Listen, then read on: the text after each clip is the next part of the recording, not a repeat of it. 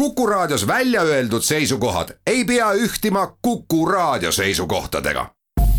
Te kuulate Kuku Raadiot.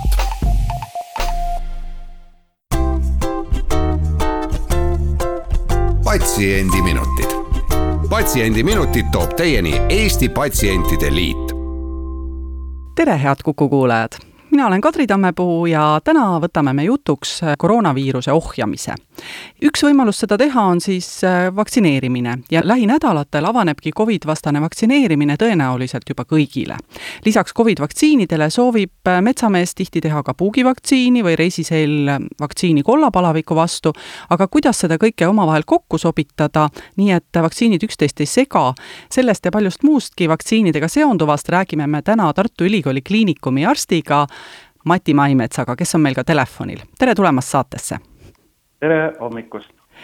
kui on siis teada, et ees seisab äh, mitme erineva kaitsesüsti saamine, inimene tahaks kuidagi aru saada, milline on see tark viis käituda, olgu siis Covid-19 ja puugivaktsiin näiteks, et kuidas ja millest peaks lähtuma?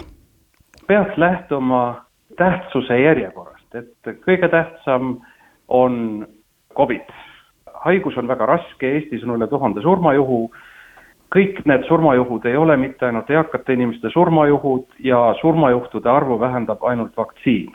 ma saan aru, et kõiki teisi vaktsiine tuleb samamoodi teha, aga need vaktsiinid tuleb panna tähtsuse järjekorda. nii et mina ütlen, et kõigepealt Covid vaktsiin ja seejärel siis räägime kõikidest teistest asjadest kui nüüd õnnestub ikkagi ennast sinna Covid vaktsineerimisele kirja panna, vaktsiin on tehtud, millal võiks siis mõelda sellele, et äh, tuleb puugivaktsiin? paljude asjade kohta praegu on nii, et uuringud puuduvad. ja ma ei soovita kellelgi pahaks panna seda, sest tõepoolest, kui uuringuid ei ole, siis on väga palju oletusi ja eriarvamusi. lühidalt soovitus on selline, et koroonavaktsiinil ja siis teistel vaktsiinidel peaks olema neliteist päeva vahet. aga sealsamas soovituse juures on selline märkus, et kui on ikka väga vaja, siis võib seda vähendada. Ja noh, probleem on näiteks selline, et saate Covidi vaktsiini ära ja siis on järsku mingi suur trauma, ma loodan, et kellelgi ei ole, aga äkki on ja siis on vaja näiteks teetanuse vaktsiini. Ja siis ei hakka keegi, saate aru, seal päevi vahepeal lugema. ja sama lugu on niiviisi, et koroonavaktsiin ei ole nagu praegu veel väga vabalt kättesaadav, asjad lähevad järjest paremaks aga ütleme, olite kaks päeva tagasi puugivaktsiini teinud, et, et ütleme, saabub teie järjekord ja kaks päeva tagasi tegite puugivaktsiini, siis võtke see vaktsiin ära, ei ole mingit vajadust oodata kui me nüüd räägime näiteks äh, lastest, siis äh, ravimitootja Pfizer on oma Covid-19 vaktsiini vastu öelnud, et see toimib ka kaheteist kuni viieteistaastastel lastel. kuidas laste vaktsineerimisega on, kas äh, ka teised tootjad on nüüd juba lasteuuringuid teinud või tegemas? no lasteuuringud on päris laialdaselt käimas ja selge on ju see, et kui me tahame seda ohjata, seda pandeemiat, siis tuleb, kõik populatsiooni liikmed peavad olema immuunsed, kõik kunagi ei saa olla, aga me räägime et, et seitsekümmend protsenti pluss ja nii edasi. millest tuleb lähtuda? lähtuda tuleb sellest, et praegu kontrollisin just Ravimiameti lehekülje peal, kuidas ütlevad ametlikud kogud, kuidas ütlevad, Eesti Ravimiamet ütleb seda, et praegu ei soovitata vaktsiini alla kuueteistaastastele lastele ja noortele. niipea, kui see asi muutub, öeldakse, et okei okay,, vaktsineerime, siis hakkame vaktsineerima, mul ei ole hetkekski kahtlust, et need vaktsiinid ei toimi lastele, kindla peale toimivad, aga ootame nüüd rahulikult ära, kui me saame ametlikult seda asja teada, nii on ravimiseadus nõuab, et me kuulaksime ära, mis Ravimiamet ütleb. Ilmselt need inimesed, kes on nüüd saanud juba Covid vaktsiini, nad, äh, mõnedki on äh, tajunud äh, mingeid erinevaid väiksemaid kõrvaltoimeid. aeg-ajalt on ette tulnud ka neid raskeid kõrvaltoimeid, no ütleme, üks selline võib olla, mis puudutab kõiki vaktsiine ja allergiline reaktsioon, mis on üliharv, aga mida üks inimene võiks teada, et kui ta näiteks on kunagi vaktsineerinud, tal on tulnud ette allergiline reaktsioon, kas võiks no ütleme nii, et arvata või karta, et et ka selle vaktsiiniga, mis puudutab näiteks Covidi vastast vaktsineerimist, tuleb sama? Sellest on jälle, lihtsalt on raske rääkida, aga proovime. tähendab, allergilised reaktsioonid on väga erinevad reaktsioonid, on ülitundlikkusreaktsioonid ja tavaliselt on, kui me, me meditsiinis allergilisest reaktsioonist räägime, siis see ei saa esimese doosi peale tulla. et allergiline reaktsioon, ta vajab enne selle toimeainega sensibiliseerimist ja saab alles teise doosi peale tulla. See, mida me tegelikult, millest me praegu räägime, on organismi reaktsioon, organismi immuunsüsteemi reaktsioon. kuidas see reaktsioon väljendub? see väljendub, et on, koht on valus natukene ja siis ta punetab natukene, ei saa kätt hästi tõsta, võib-olla kaela lümfisõlmed või kaelaalused lümfisõlmed lähevad suureks. ja seda ei saa nimetada allergiliseks reaktsiooniks, see on, te olge uhked, teil on hästi töötav immuunsüsteem mida noorem inimene, seda tugevam võib see reaktsioon olla, aga seda nimetatakse noh, niisuguseks nagu tavalisteks kõrvaltoimeteks, need on, mis näitavad, et immuunsüsteem töötab hästi.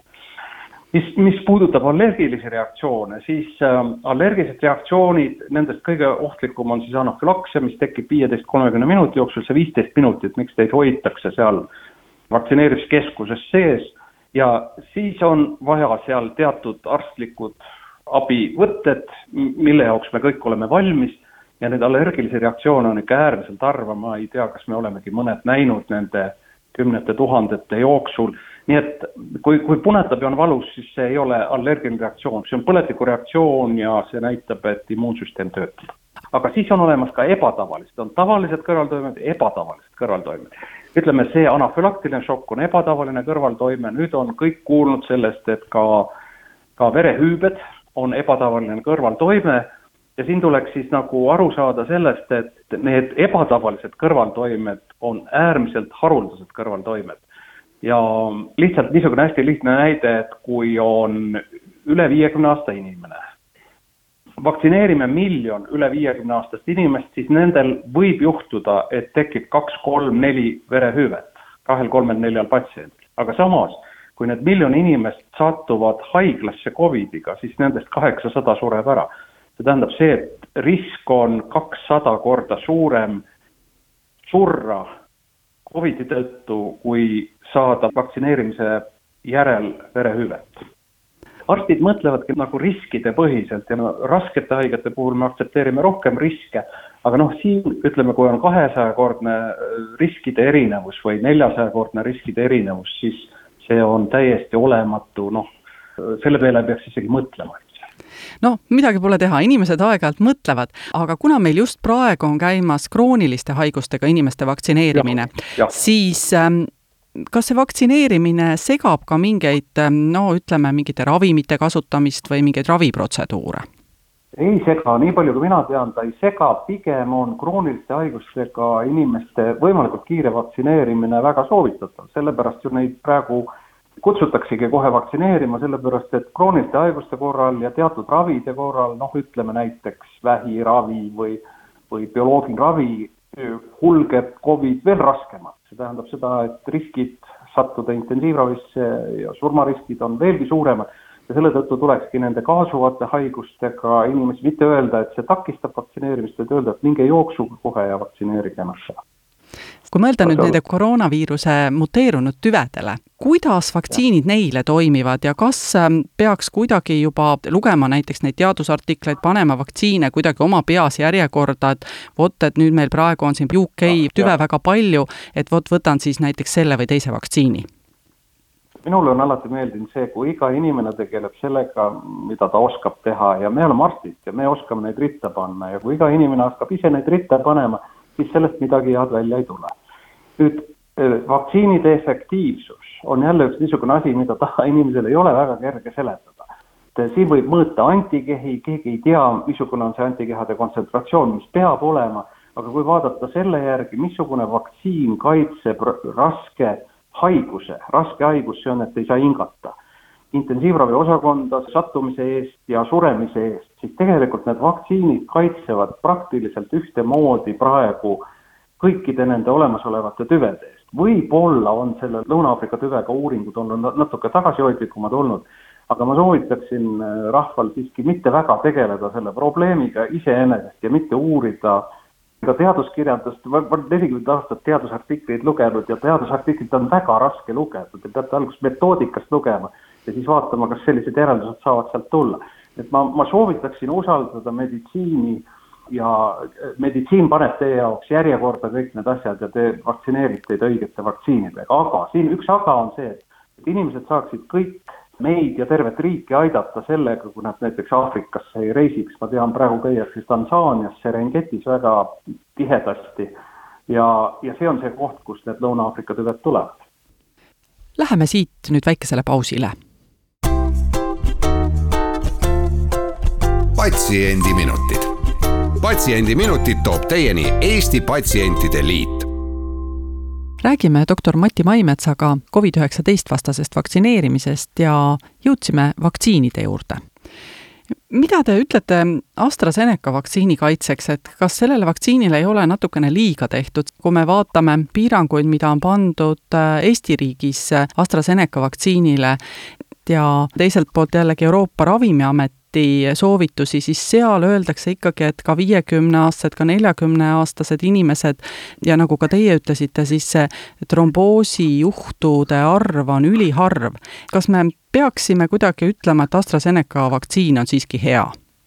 kindlasti me peaksime ütlema, et AstraZeneca vaktsiin on hea, kõik vaktsiinid on head, veel kord, ma ütlesin seda, et kakssada korda suurem on risk surra, kui saada tromboos, aga vaadake, kuna siin on see kommunikatsiooniprobleem juba tekitatud, ja igaüks, kes vähegi on midagi saanud kuskil öelda, on öelnud oma arvamuse selle kohta ja sellega on kõik inimesed segadusse aetud, siis minu soovitus on selline, et kuulake, mida ütleb Ravimiamet Eestis, kuulake, mida ütlevad arstid ja kui immuniseerimiskomisjon ütles, et me vaktsineerime viiskümmend pluss kodanikke selle AstraZeneca vaktsiiniga, siis kuulake seda.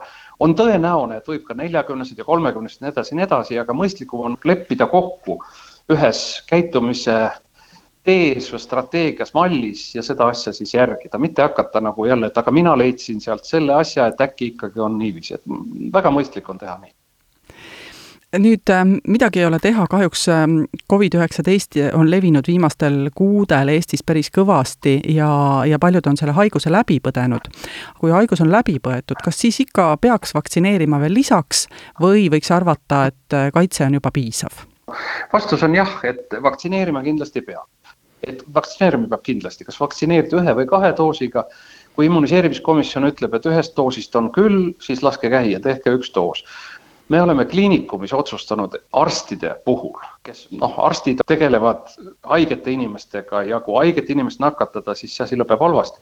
me oleme arstide puhul öelnud nii ja kõikide meditsiinitöötajate puhul, et kui te olete põdenud, siis teete kaks doosi, et meil on niisugune kord ja kõik aga ütleme, inimesed, kes ei puutu kokku haigetega, kes ei ole meditsiinitöötajad, kui komisjon ütleb, et ükskord on küll, lasku käia, tehku nii. kas inimene võiks teha siis hoopis antikehade testi ja vaadata, kuidas tema olukord on? antikehad on infektsioonhaiguste kõrgpilotaaž ja ärge seda kodus tehke et parem on, kui tavainimesed hoiavad ennast antikehade testidest eemale, see on puhas business, tähendab iga testi positiivne ennustav väärtus sõltub testieelsest tõenäosusest. et noh, et kui te testite tuhat negatiivset inimest, siis iga positiivne test on valepositiivne. lühidalt seda asja öelda, et ärge tegelge selle asjaga ja ei ole mingit mõtet ei enne vaktsiini ega ka pärast vaktsiini neid antikehi väärata, sest me ei tea, missugune on kaitsev antikehade tase me ei tea, kui kaua need antikehad kestavad, on tõenäoline see, et antikehade puudumine ei tähenda immuunsuse puudumist. tähendab, ma ikka jõuan selle asjani välja, et ega kahekümne esimesel sajandil veel väga hästi ei teata, kuidas inimese immuunsüsteem töötab kui palju on jõudnud äh, arstid ja teadlased uurida seda, kui ähm, pika aja pärast tuleb ka vaktsiiniga kaitset uuendada ehk revaktsineerida? jah, siin on ka see lugu, et ega praegu keegi ei oska seda öelda, et ainukene, kes ütles selle asja niiviisi otseselt välja, oli Pfizeri pealik, noh, tema muidugi näeb ka tohutu head business'it seal. ja Pfizeri pealik ütles niiviisi, et tuleb suure tõenäosusega kuue kuni kaheteist kuu pärast vaktsineerida see ei oleks muide üllatav, sellepärast et on palju vaktsiine, nagu näiteks B-hepatiidi vaktsiin ja HPV vaktsiin, et cetera, et cetera, mida me teemegi null, üks ja kuus kuni kaksteist kuud. Ja selles ei oleks midagi üllatavat, seda nimetatakse tõhustusdoosiks, seda kolmandat doosi. aga ütleme niiviisi, et praegu on veel väga vara öelda, kui see tuleb, siis ei ole selles midagi imelikku, aga praegu ütleme, spekuleerida, kas see mõte on õige või vale, on lihtsalt liiga vara ja see võiks siis selguda? see aasta lõpus, nii et aasta lõpus ma olen vahele omadele öelnud seal, et aasta lõpus me peame olema valmis uueks vaktsineerimise tiiruks. kliinikum on teinud praegu üle kahekümne tuhande doosi ja kui me peaks seda sügisel jälle üle kahekümne tuhande doosi tegema, päris jube nii ta kipub olema, aga, aga ega viirused vist ei küsi. kui me räägime natukene sellest massvaktsineerimisest, mida kliinikum viib läbi A Le Coq'i keskuses, kuidas see on läinud, mis on ja. tagasiside? poliitikud ei taha, et me kasutame sõna massvaktsineerimine, meil peab olema suur vaktsineerimine. et lugu milles, lugu on selles, et meil läheb väga hästi ja algusest oli niisugune tunne, et noh, et miks me seda üldse lahti teeme kuna vaktsiinide tarnetega on probleemid, siis äh, selleks nädalaks, asjad on nüüd nii hästi läinud, et me selleks nädalaks avasime eile tuhat uut aega. ma arvan, et eile tehti kuskil seitsesada inimest vaktsineeriti ja selleks nädalaks me panime lisaajad, tuhat lisaaega. Neid aegu praegu on, neid aegu ei ole lõpmatuseni. registreerige ennast, registreerida tuleks telefonil seitse kolm üks seitse kakssada võib ka teha kliinikumi kodulehekülje lahti ja alates eilsest saavad vaktsineerida siis kõik need inimesed, kes kas saavad sellel aastal viiekümneseks või on vanemad. et siis keegi võib arvutada, mis see sünniaasta peab olema ja ilma mingisuguste piiranguteta. ja teine, ütleme, tee, kuidas nagu vaktsineerimisele tullakse, on siis alla viiekümne aastased inimesed nende krooniliste haigustega aga seda nad saavad ise oma digiloost kontrollida, kas nad kuuluvad riskigruppi ja see käib siis äh, digitaalse broneerimise kaudu, nii et äh, kaks võimalust on olemas.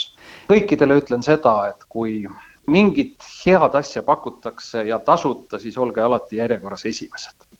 kui nüüd äh, kogemata või mis kogemata, ütleme nii, et kui mõni kolmekümneaastane arvab, et tema tahaks ka tulla, et kas süsteem kuidagi piirab seda? Süsteem kuidagi piirab seda, ma isegi päris täpselt ei oska öelda praegu siit, aga ma arvan, et see ei lähe tal läbi. äh, olgugi, et Ida-Viru ju kuulutas praegu, et kõik noored, kes toovad ühe vanainimese, eile öeldi teleks varu hästi, aga see vanainimene peab sellega nõus olema.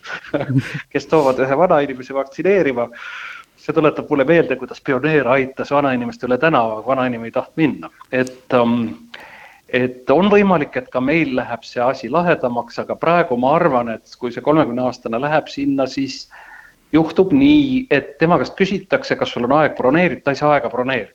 aga tema käest küsitakse, kas on broneeritud aega, kui ta ütleb, et ei ole, siis ta saadetakse sinna ühte infopunkti, kuhu ta saab jätta oma telefoninumbri.